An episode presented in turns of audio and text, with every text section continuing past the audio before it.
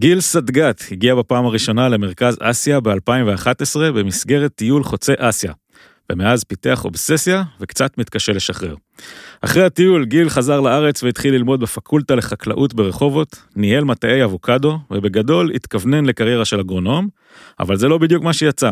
כלומר, הוא אכן אגרונום, ואכן מומחה גדול לאבוקדו, אבל לא רק. ב-2014 גיל הצטרף לקורס מדריכי טיולים, ואחריו התחיל להוביל טיולים לאזור. כמה שנים מאוחר יותר הוא פתח עסק עצמאי לשירותי תיירות במרכז אסיה, ומאז הוא מעביר חלק גדול מזמנו בהדרכות ובטיולים עצמאיים באזור. בעיקר בקירגיסטן, אבל גם בכל הסטניות השכנות. גיל מציע מגוון של שירותים, כולל תכנון טיול, שירותי אופרציה וכמובן הדרכות. בשיחה היום נדבר על החיים במרכז אסיה, על סוסים ומרחבים, על הצלחות, כישלונות ותוכניות לעתיד, וכמובן על אבוקדו. אני עופר גלמונד, ותודה שאתם מאזינים לפרק חדש של חברות טיולים מחפשות משמעות.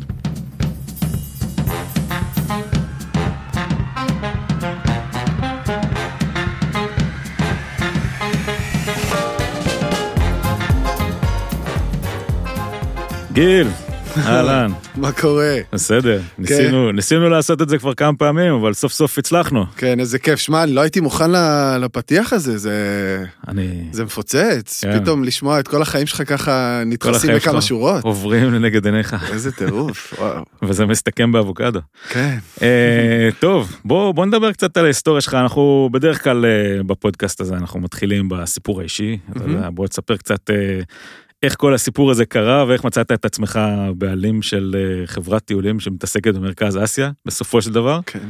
ואחרי זה ניכנס גם לברגים היותר אה, עדינים של העסק. אין בעיה. אה, טוב, אז, אז זה התחיל כמו הרבה אנשים, אני חושב, שנחשפים ל, לעולם הטיולים שלהם כשה, כשהזמן מצוי בידם. ואני, אחרי שהשתחררתי מקבע, והיה לי איזו תקופה יפה בארץ, שנדדתי בין כל מיני מקומות, ועשיתי כל מיני חלומות שנשמרו לי עד אותה תקופה, הר- הרצון הבאמת גדול שלי היה, היה לגלות עולם, אבל, אבל באמת, הכוונה הייתה ללכת למקומות שאנשים טיפה לא הולכים. אני חושב שזה היה לא הרבה אחרי שהפייסבוק עלה לאוויר, ואנשים, עוד פעם, העלו תמונות מטיולים שלהם, אנשים מחזרו, ולאט לאט קל- קלטת שיש מחזור מסוים, אתה יודע, היית רואה את אותו תמונה של המאצ'י פיצ'ו, ורק הבן אדם מתחלף, וזה, כן. וזה בין החברים שלך, ו- ובאיזשהו מקום אה, כל אחד נכנס ל- למסלול הבטוח והברור הזה של, ה- של הטיול הגדול לחו"ל, ו... ואני חושב שבאותה תקופה חיפשתי, חיפשתי רעיון, מקום שימשוך אותי, שיהיה לי קשר אליו, אה, ו, ו, ושישאיר אותי עם, עם, עם חוויה ואתגר. עכשיו, באותה תקופה היה, היה ברור לי ש, שאני הולך ל, לראות נופים, לעשות טרקים, לחפש טבע, אה, דברים אה, עם השנים התבררו אחרת. בכל מקרה, מרכז אסיה זה איזה סוג של חור שחור כזה על המפה, שלא הרבה מכירים אותו, לא הרבה שמעו עליו, ודווקא בגלל זה, זה, זה מאוד מאוד אה, משך אותי. ו... מה, מה עשית בטיול הראשון? לאיפה, לאיפה טיילת? כן, אז אני חושב שדבר ראשון התבססתי על מקומות שהיו די טריוויאליים באותה תקופה. רציתי לנסוע לגיאורגיה, מדברים לפני עשר שנים, אה, ורציתי לנסוע לסין. ואז במקרה נכנסתי לאיזה הרצאה אה, של איזה בחור, ב... אני חושב שזה היה בלמטייל בחיפה, בלב המפרץ, והוא הוא, הוא פתח לי את העולם למ- למדינות האלה ש, שמסתיימות ב- בסטן, במרכז אסיה, והבנתי פתאום שאני יכול לחבר בין שתיהם, שאני יכול לטוס לגיאורגיה ולחזור מסין. אז, אז טיול הזה לקח עשרה חודשים בעצם. זה היה, זה היה הפעם הראשונה שנפגשתי בכל המקומות ש... ואיך התניידת בטיול הזה? איך עשית את זה מ- מגיאורגיה ל- לסין? זה... אה, הכל יבשתי. כאילו, החלטתי החלטה שאני, הטיסות היחידות שאני לוקח זה טיסה בתחילת הטיול והטיסה בסוף הטיול.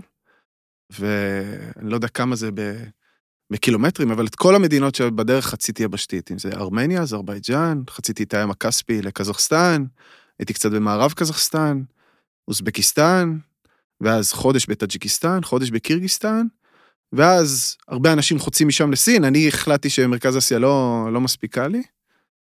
לא, לא ראיתי מספיק, אז חזרתי לקזחסטן, חציתי אותה לכיוון צפון עד לרוסיה, חציתי לרוסיה ועליתי על הרכבת הטרנסיבירית, טיילתי בסיביר, ומשם למונגוליה, וניסיתי מאוד לכוון ל... ליום, אה, לחג הלאומי של סין, שזה בראשון באוקטובר, אז, אז דחסתי את כל הדברים לקראת כל מה שיבוא אחר כך, וסין זה היה, זה היה פרק, אה, פרק טיול בפני עצמו. שגם בסין הייתי, שמה- גם שם טיילת הרבה. כן, בסין עשיתי עוד ארבעה וחצי חודשים, עוד אה, עם קצת במקאו והונג קונג, ומשם... אה, ומה מה, מה בעצם אה, מיוחד באזור הזה של מרכז אסיה? זאת אומרת, אה, הגעת לשם ומה מה משך אותך שם? הנופים, התרבות, כן. ה, מה, על, מה, על מה נתפסת בעצם?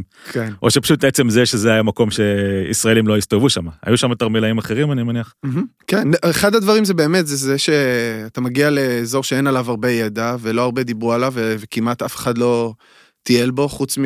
אתה יודע, לקחתי איתי בתיק את הספר של דרך המשי של צור שזף. אה וואו ו- זה ספר אה, לא חדש. לא, לספר לא חדש, כן, אבל הוא טייל, הוא חצה את האזור הזה עוד ב-91.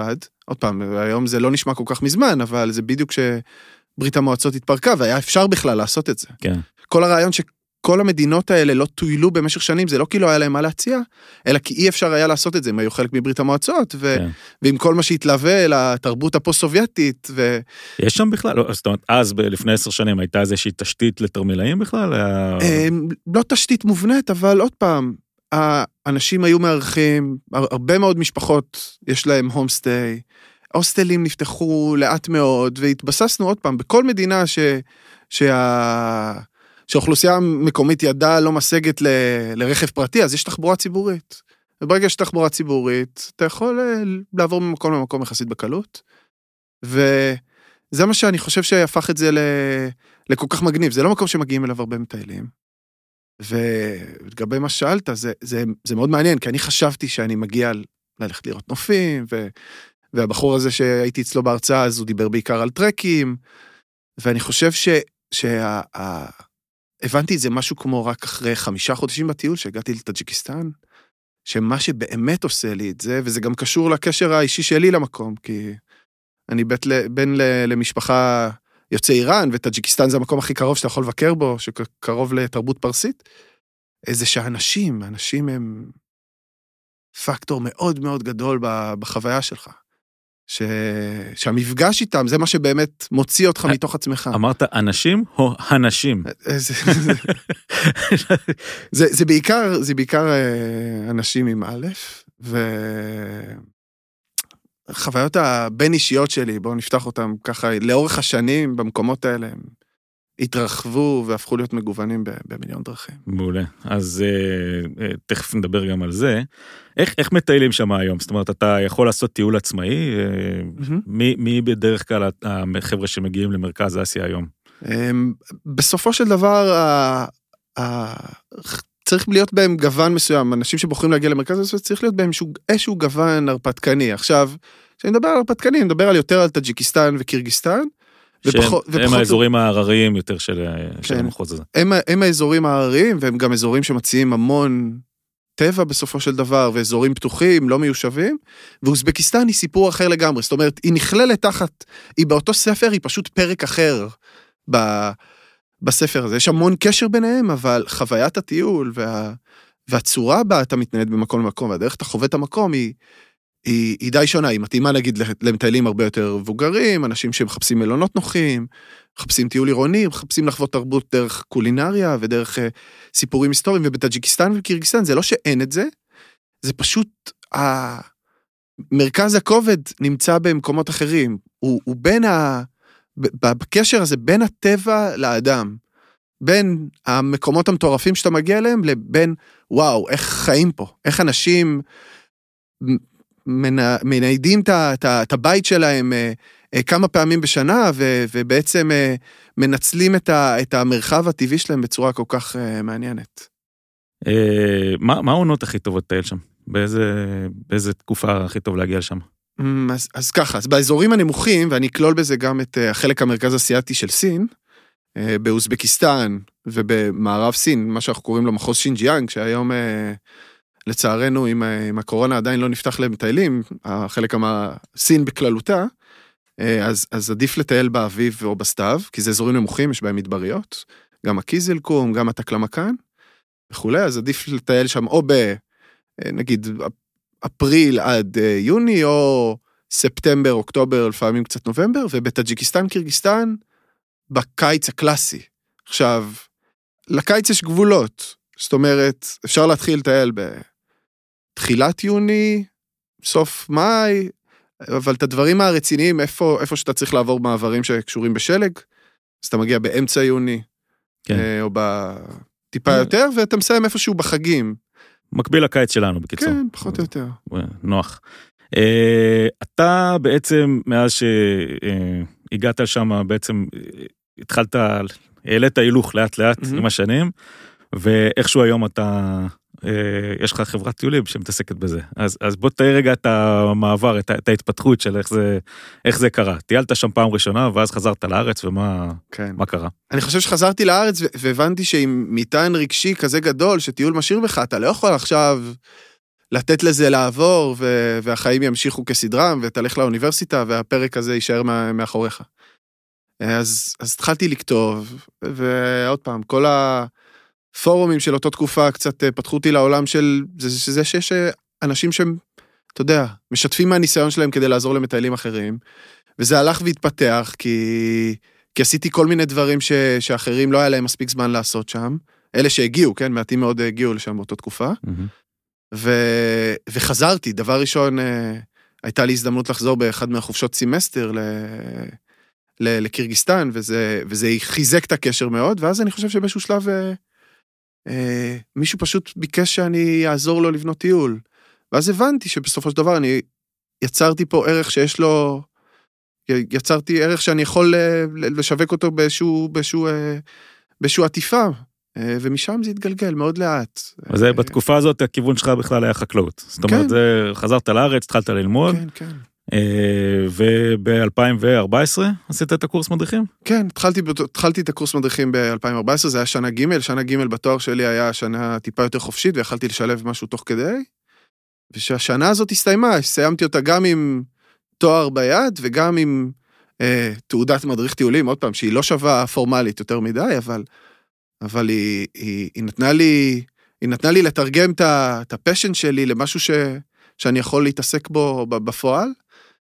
אה, ואני חושב שבתחילת הדרך, בתור מדריך זה מאוד קשה, להיכנס לעולם הזה. אבל כשאתה מבין שאתה נוגע במקומות שפחות אנשים מכירים אותם, אז, אז יש פה, יש פה איזשהו ואקום שאתה צריך, אה, איזה חלל שאתה צריך למלא.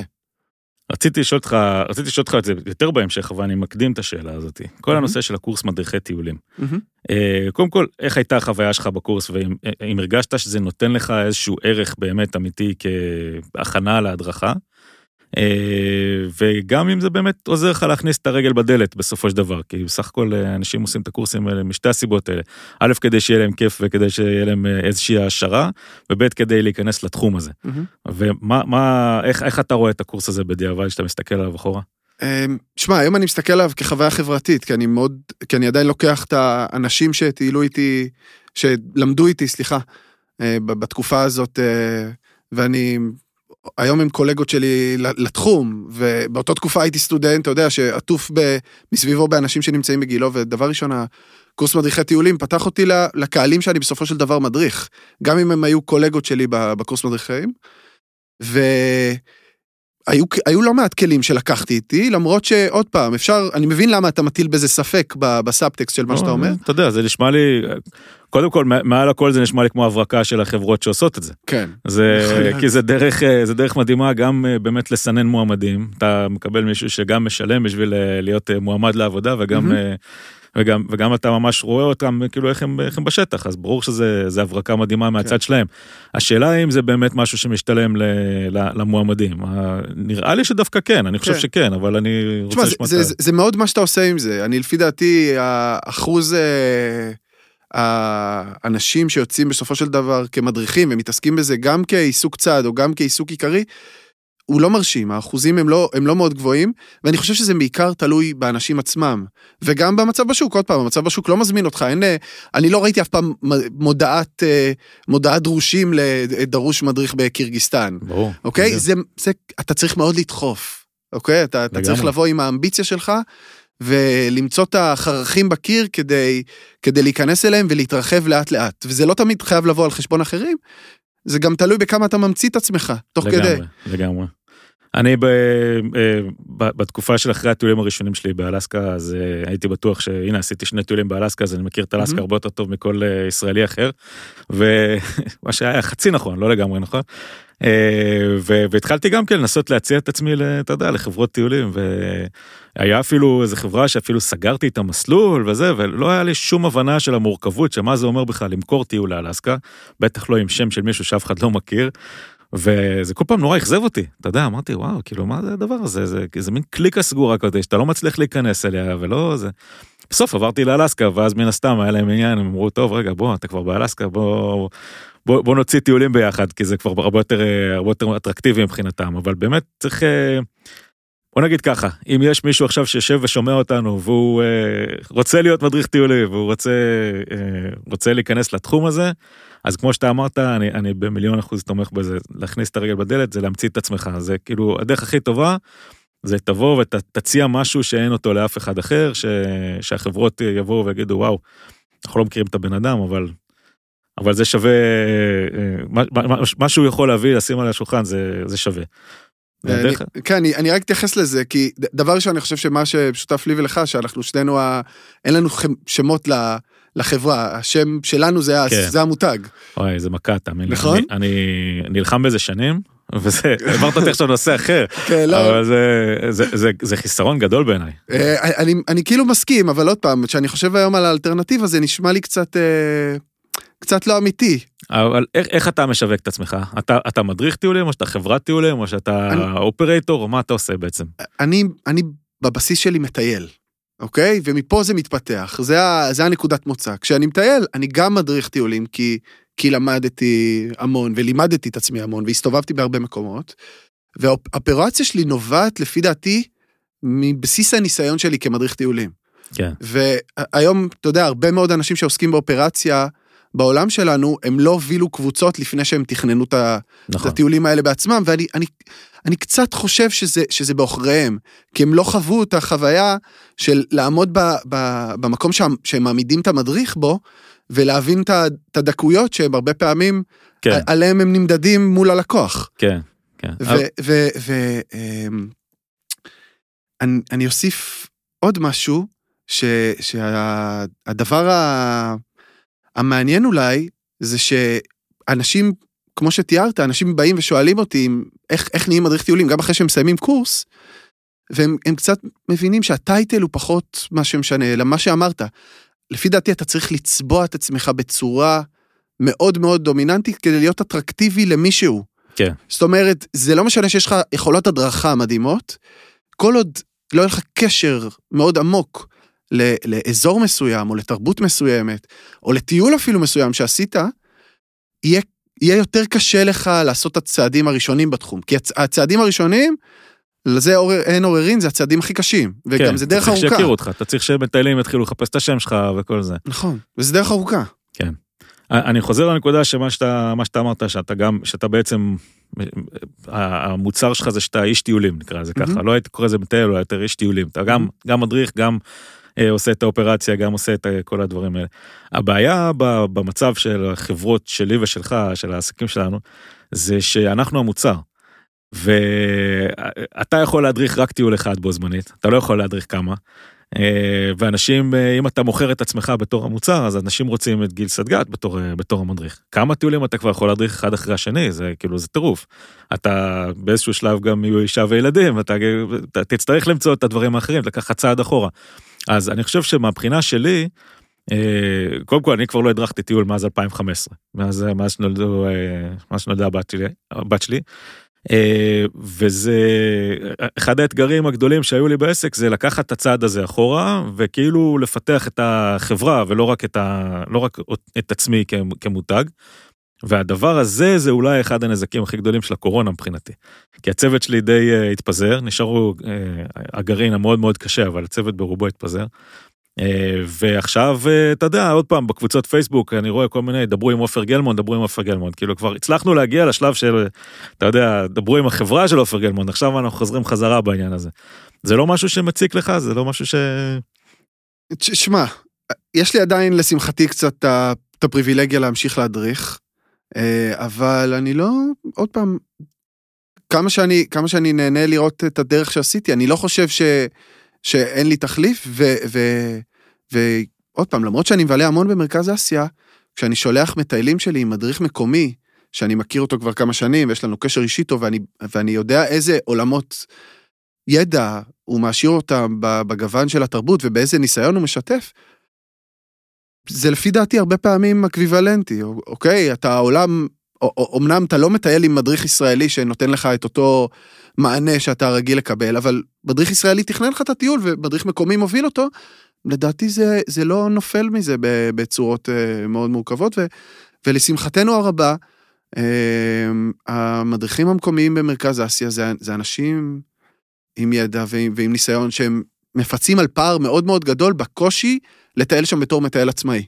זאת אומרת, אפשר לטייל שם בתור מטייל עצמאי, אני לא אומר שזה mm. לא אפשרי, רק ש, כשה, שאני מעניק להם את האפשרות לקבל שירות מאחד מה, מהמדריכים שאני עובד איתם, או אפילו לפעמים נהג, אתה יודע, מישהו שמגיע בלי המון, אה, בלי המון אה, אה, רקע הדרכתי, זה, זה נותן להם המון, זאת אומרת, זה... זה אתה, מדבר, אתה מדבר על מדריכים שנצמדים למטייל מסוים לאורך אה, כל הטיול, לאורך שבוע-שבועיים, ומובילים אותו בכל הזה, או שבמקומות מסוימים אה, מטיילים איתם? אמ, לרוב זה לכל הטיול, אבל גם לא מעט מהמקרים הם שאני, שאני מצמיד מדריכים מסוימים בכמה שלבים של הדרך, זאת אומרת, זה לא חייב להיות בן אדם אחד, אבל גם בתלות הרבה פעמים בטווח הזמן שה, שהמטייל מאפשר לי, אני מנסה להפוך את הטיול שלו לכמה שיותר מגוון, ומבחינתי, אם פרק אחד ממנו לפחות יהיה מובל על ידי מדריך מקומי, אה, אז, אז תרמתי מאוד לטיול שלו. זה, זה לא חייב להיות הכל, אם הוא לא רוצה.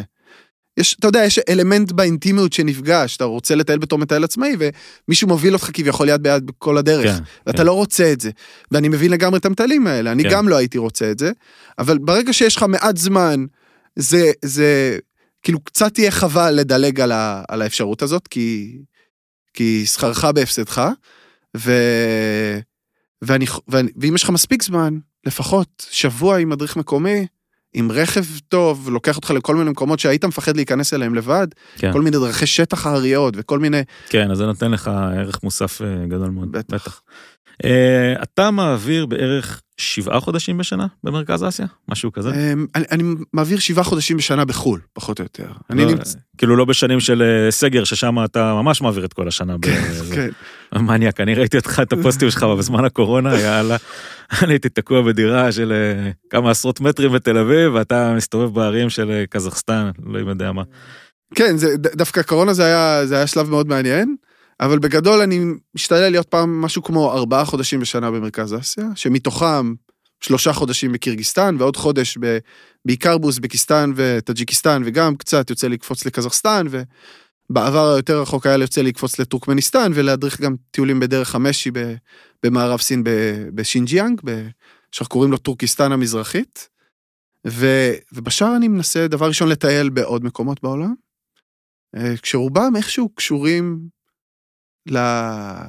לנגיעה שלי. זאת אומרת, אני אוטומטית נמשך הרבה יותר לאסיה, אבל אני עושה גם דברים טריוויאליים, אני עושה לסקי בחורף. אוקיי. Okay. כן? כן. או יוסע, נוסע לסוף שבוע בסיני. אני עושה גם דברים שהם לא רק... איפה אתה, כאילו נגיד גמרת את הסריה של טיולים ואתה עכשיו יש לך איזה שבועיים בין לבין, אני לא יודע מה, או נגמר העונה, נגמרה העונה, אתה עכשיו בסתיו, איפה אתה גר כשאתה שם? אתה באיזה מחנה אוהלים או שאתה בעיר גדולה עם אינטרנט? אמ, אז, אז זה מאוד מעניין, זה תלוי בעונה. דבר ראשון, מחנות אוהלים לא, קיימים, לא קיימים כל עונות השנה, בסתיו הרבה פעמים הם מתפרקים, אבל אני גר הרבה פעמים בערי מפתח שמהם אני מוציא טיולים, אם זה קרקול או קוצ'קור, או בישקק, שזה עיר נהדרת לכל הדעות. תשמע, אני מעביר שם לא מעט תקופות בשנים האחרונות, וסיטואציית חיים אחרת יכול להיות שהייתי קובע את משכן הקבע שלי שם, אבל... אה, אבל זה, זה אחלה מקום לחיות בו גם כן, זה... זה, זה עיר מה, עם השפעה רוסית, עם... אה, איך, איך היא נראית, כאילו, עיר מודרנית? כן. עיר... כל, עוד, שמע, כל המדינות, כל מדינות מרכז אסיה יש להם עבר של ברית המועצות, אז בכולם מדברים רוסית, שזה השפה שאני מדבר, אה, שאני מגיע לשם, אמנם זה רוסית שבורה, וזה מה שמחבר גם ביניהם. אבל עוד פעם, ההוויה היא של, ה, של העיר המרכזית, ובכל המדינות האלה יש עיר מרכזית כמעט אחת, אוקיי? בישקק היא למעשה העיר היחידה שאפשר באמת לקרוא לה עיר, ולא כפר גדול או עיירה. והיא מעניקה איכות חיים לא, לא רעה בכלל. יפה מאוד. Uh, אתה מעביר את הזמן שלך שם בין הטיולים, אתה מעביר את הזמן שלך לבד, יש לך שם איזה קהילה בינלאומית, איזה חברים קבועים שאתה חוזר אליהם? כן, אז, אז יש קהילה של, של אה, קהילה בינלאומית קטנה אמנם, של אקספט בבישקק, אבל אני גם מנסה לצאת לטיולים, אני כל זמן פנוי שיש לי כמעט שם, אני מנסה להכיר עוד מקומות שלא נסעתי אליהם בכל מיני פינות אחרות במדינה, אבל אני גם מצטרף לחבר'ה המקומיים שלי, גם כדי להכשיר אותם, ללמד אותם, אתה יודע, לעבור איתם על כל מיני דברים, כדי שננצל את הזמן הזה לרגע שיבואו מטיילים ו- ו- ונצטרך להיות אה, טובים יותר ומוכנים יותר ומשושפים. אה, איפה היה, איפה היה, איפה הייתה, אני חוזר אולי קצת אחורה עוד פעם להיסטוריה האישית שלך, איפה הייתה הנקודה שבה אמרת יאללה אני עכשיו קופץ למים ועושה את זה, עושה את זה פול טיים? אמ, אני חושב שזה ברגע שהעולם התעסוקתי בתור שכיר, בתור אגרונום בארץ, אה, אה, היכה על פניי, ו... והבנתי ש... שלא לא בא לי להיות אה, תלוי בחסדו של איזה מעסיק. אבל כדי להיות אגרונום אתה צריך כאילו להיות פה full time כל הזמן? כן. ו... לא, זה לא עניין של full time, בתור אגרונום אתה, אתה צריך להתחיל בלא מעט שנים בתור שכיר. ובתור שכיר אתה בטח אה, מכיר את זה, אני לא, לא יודע אם אתה זוכר את זה. עבר זמן. כן, עבר זמן. אבל, אבל בסופו של דבר, עוד פעם, אתה, אתה, אתה, אתה, מי שמכתיב את הרצונות או את הלו"ז שלך זה לא אתה. כן. ו, והגמישות שלך היא הרבה יותר, הרבה יותר אה, נמוכה. ואני חושב שאם אני מסתכל, כמה זמן זה כבר? ארבע שנים אחורה? הגמישות הזאת זה משהו שאני... כן, משהו שאי אפשר... אין, אין לו מחיר. כן.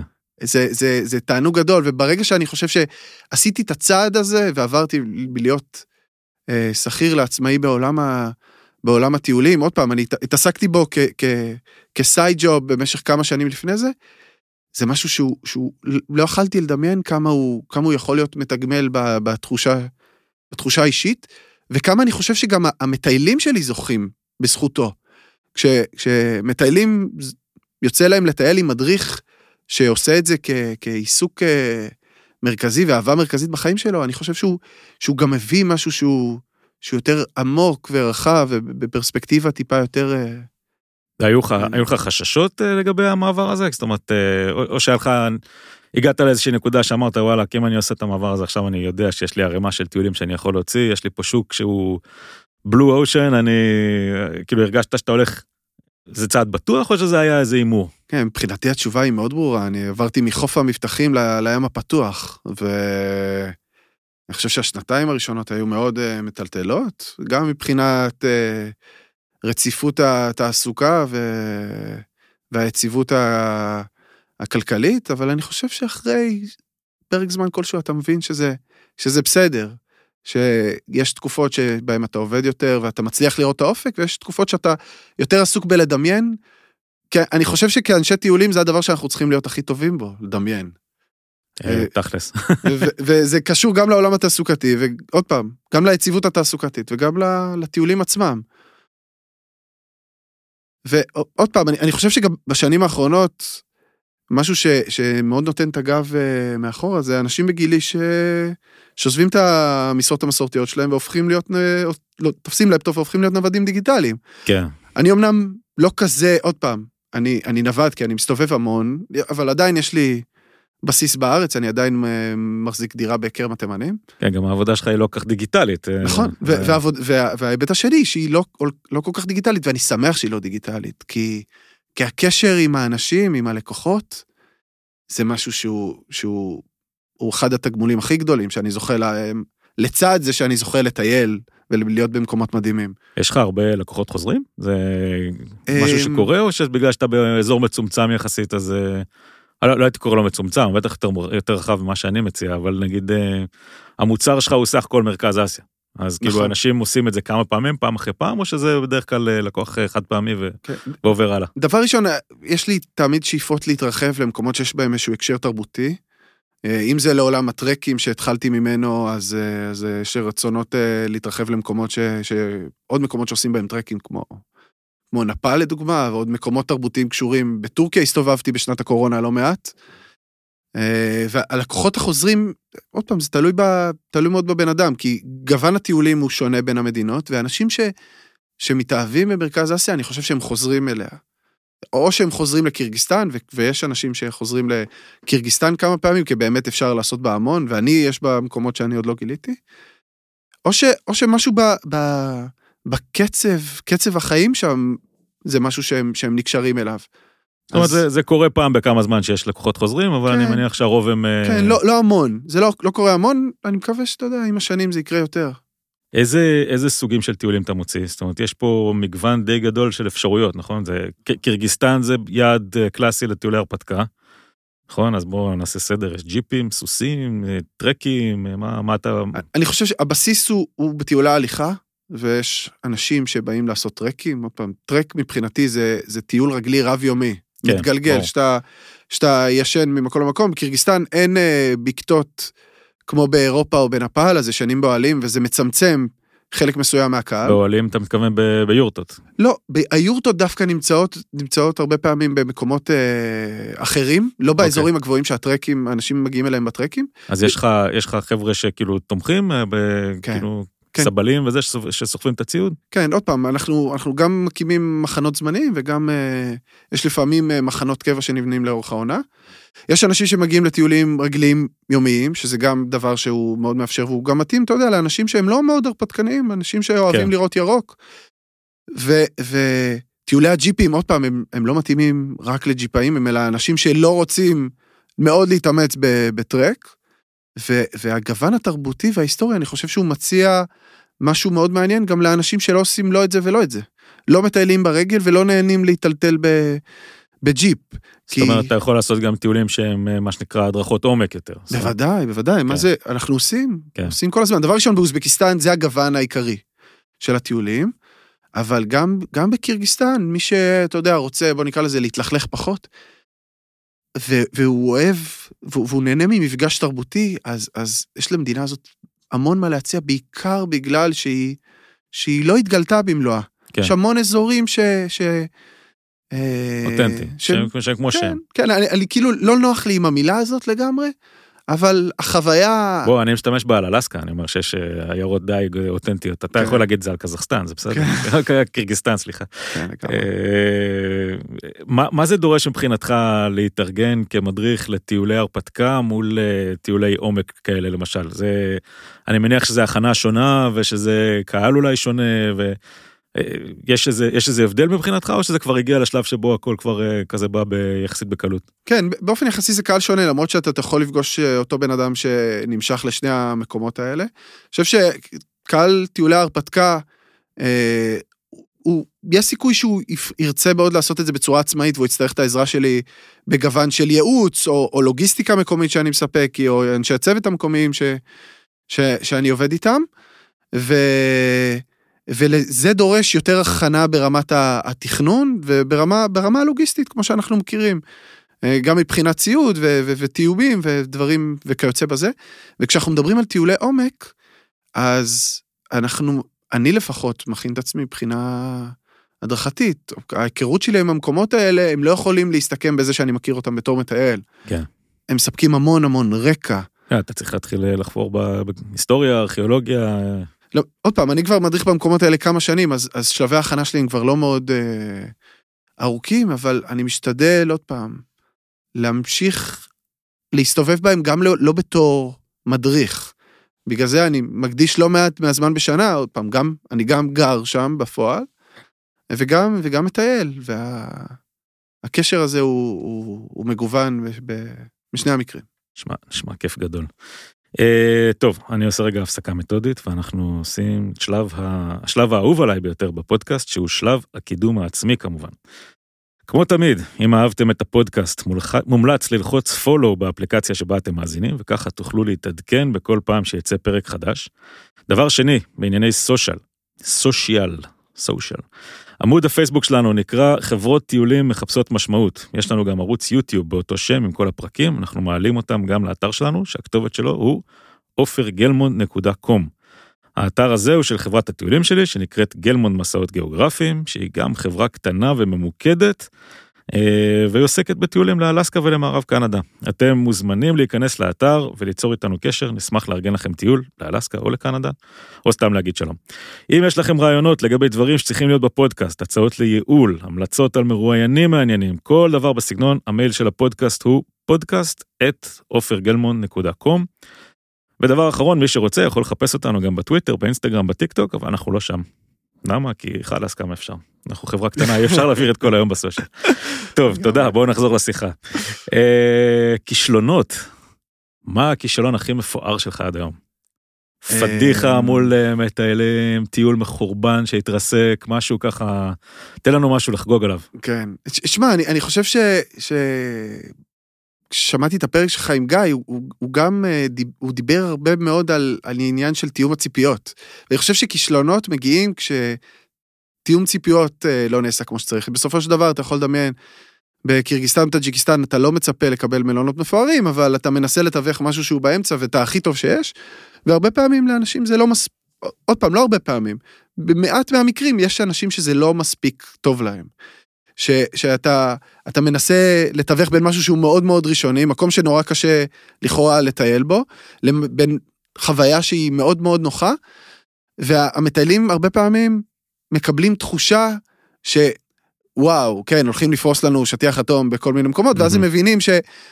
בכלל לא היה רעיון טוב להביא מזוודה עם גלגלים כדי להוריד אותה מהרכב ודרך האפר שמפרידה בינה לבין וואו. האוהל שאתה ישן בו, יש פער בין מה שחשבת שהולך לקרות כן. לבין מה שקורה בפועל ויש אנשים שחווים את זה קשה בהתחלה היה הלילה הראשון ביורטים כן יש אנשים שהלילה הראשון ביורט מלחיץ אותם מלח... זה גם מלחיץ אותם מראש והם גם תוך כדי זה קצת קצת לא נוח להם ואני אני בתור מישהו שיצא לו לא רק לישון המון ביורטים אלא גם לגור ביורט. אה, אני בשלב מסוים בניתי יורט בארץ ועברתי ועברתי לגור בו.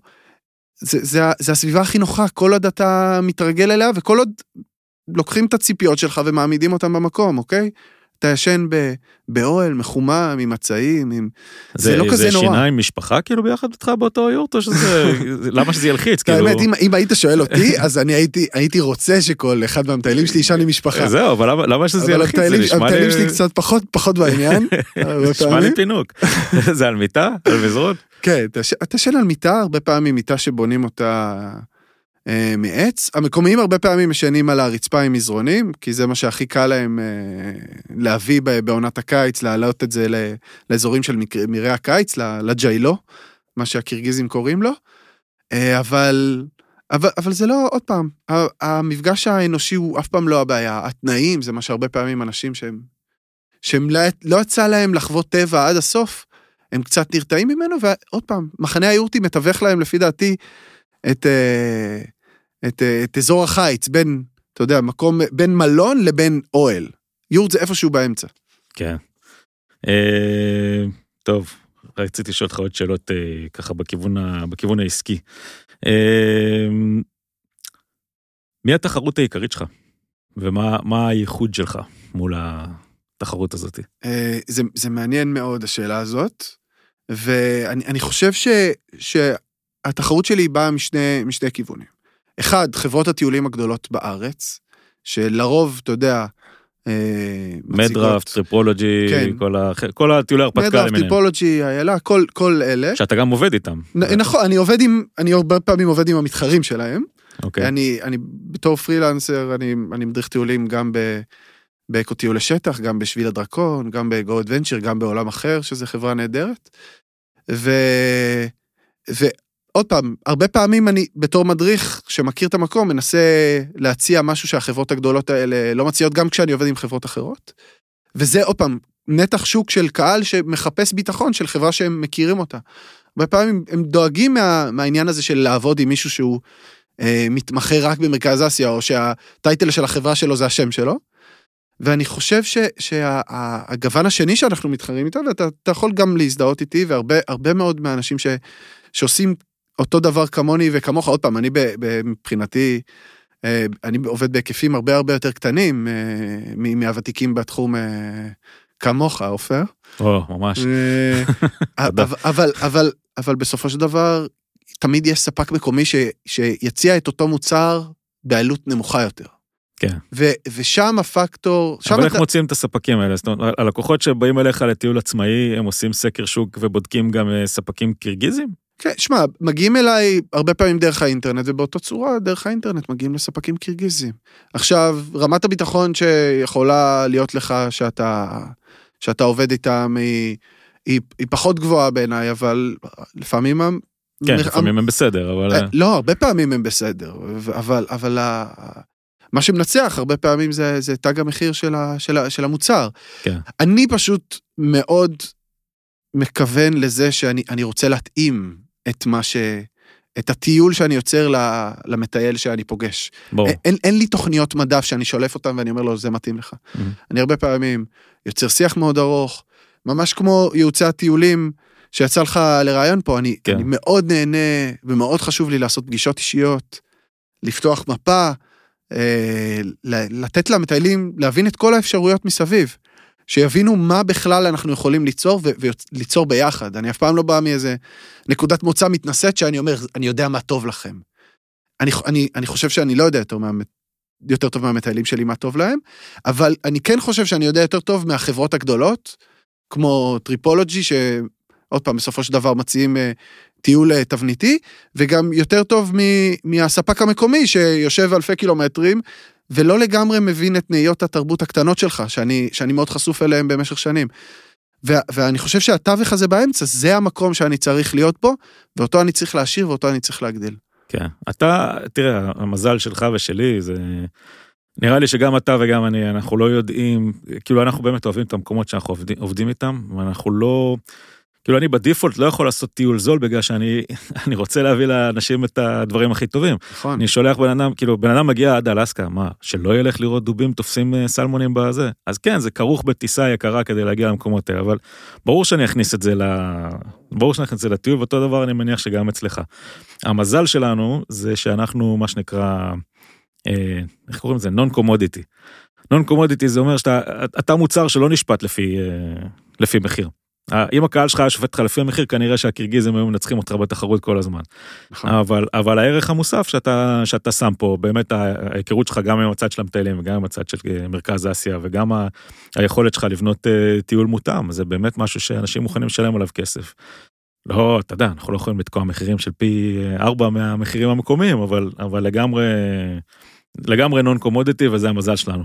תשמע, אתה, אתה מציג פה השקפה שהיא נטועה בהרבה ביטחון, כי אתה עושה את זה הרבה שנים, אבל אני חושב שמי שעושה את צעדיו הראשונים בתחום, עוד פעם, אני, אני, אה, אני כבר עברתי את השלב ההתחלתי קצת מזמן, אבל זה ביטחון שאתה בונה, כי הרבה פעמים, הרבה פעמים, עוד פעם, כשאתה תתאמץ מאוד בשביל הכוח, אתה תשב על התוכנית, אתה תחשוב איתו, תדבר איתו בטלפון, תשקיע בכתיבה, תשלח לו איזשהו משהו, משהו שנראה לך מתאים לו, הוא יכול להעמיד לך איזה הצעה נגדית ממשהו יותר זול שהוא מצא, וישאל אותך, למה שאני... לא, בסדר, לבריאות, תלך כן. על זה, אם, הלקוח לא מבין את זה, אז שילך על זה. כן, לא, ברוב המקרים הלקוח, מבין את זה. כן.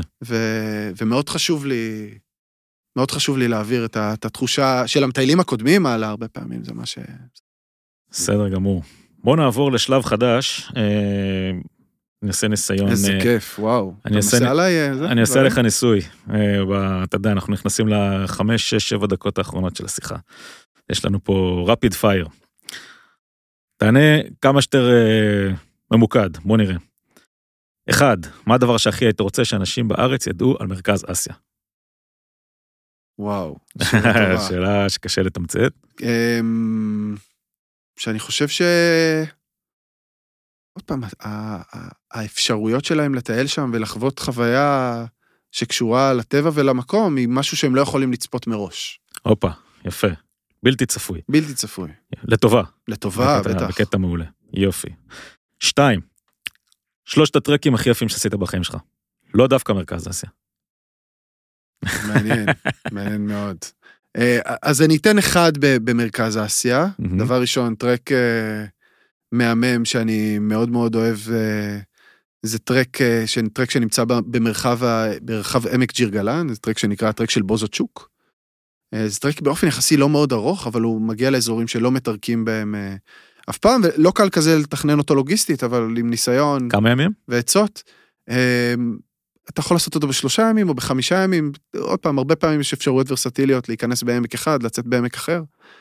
אה, זה תלוי מה, מה אתה רוצה אז לעשות. מה השם של הטרק עוד פעם? הטרק של, בוז, ה- הטרק של בוזוצ'וק. בוסוצ'וק. כן. יפה. כן. ועוד טרק אחד מחוץ למרכז אסיה? אה, אני, אני חושב שבטורקיה מאוד מאוד נהניתי מהטרקים. עשיתי את הדרך הליקית, שזה דרך של 500 קילומטר, וטיילתי בקצ'קר, והיה מאוד מאוד יפה גם כן.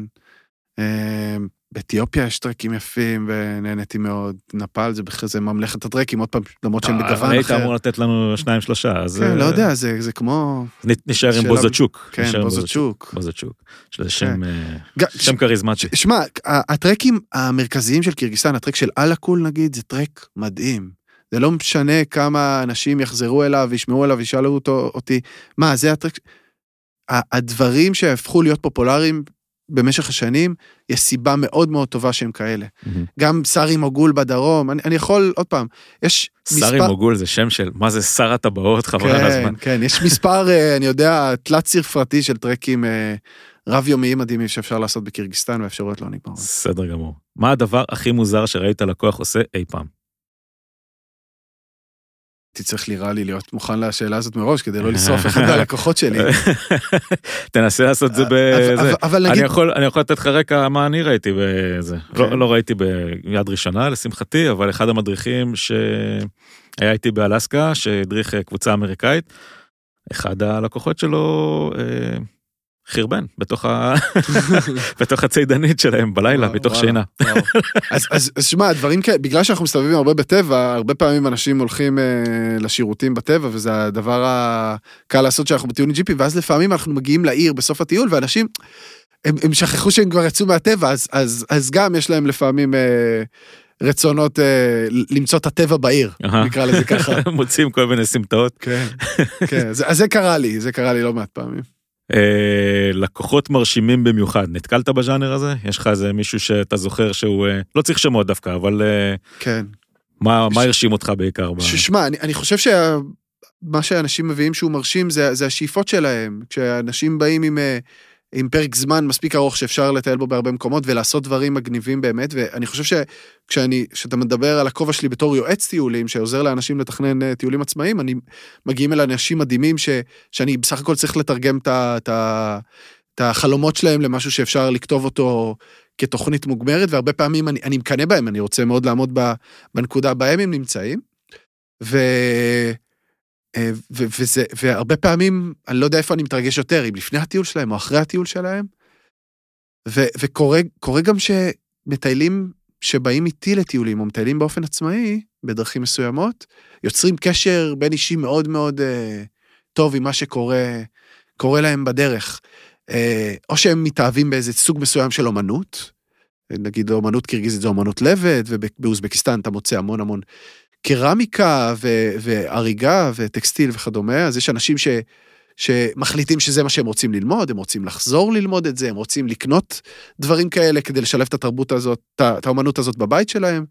זה גורר ממני המון המון הערכה, אם כי לפעמים זה קורה באופן קצת אה, פטרוני נקרא לזה. קרה לי שנכנסתי כן. למשפחה, ועוד פעם, אני... אוריינטליזם. כן, אני, אני מאוד נהנה ל- ל- להגיע למשפחות, עוד פעם, משפחות זה ההיכרות הכי עמוקה שלי בקירגיסטן, משפחות שאני מכיר אותן שנים, עוד מהטיול הראשון שלי שם לפני עשר שנים, וקרה שהבאתי הבאתי קבוצה, והם ראו שטיח יפה שיש למשפחה שפרוס במרכז הסלון, ואז הם באו, מחיר. כן, הם באו לסבתא ושאלו אותה כמה זה עולה.